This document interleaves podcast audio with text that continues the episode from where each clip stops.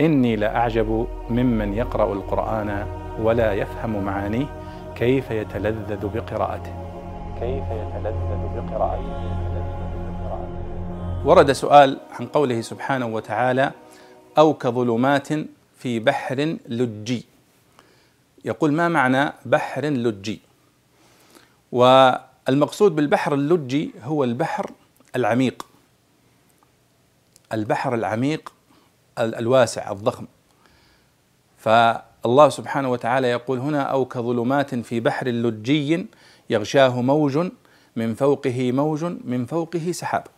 وهذه الظاهرة التي ذكرها الله في القرآن الكريم لما كشف عنها العلماء في الوقت المعاصر اكتشفوا أنها في قاع قاع البحر التي تكون فيها هذه الصفة التي ذكرها الله. في بحر لجي يغشاه موج من فوقه موج من فوقه سحاب. ظلمات بعضها فوق بعض. إذا أخرج يده لم يكد يراها. فإذا معنى البحر اللجي هو البحر العميق جدا وهو مأخوذ من لجة الشيء بمعنى وسطه وعمقه. ومنه قوله سبحانه وتعالى للجوا في طغيانهم يعمهون. يعني لسارعوا وتعمقوا في الكفر والعناد ودخلوا في عمقه.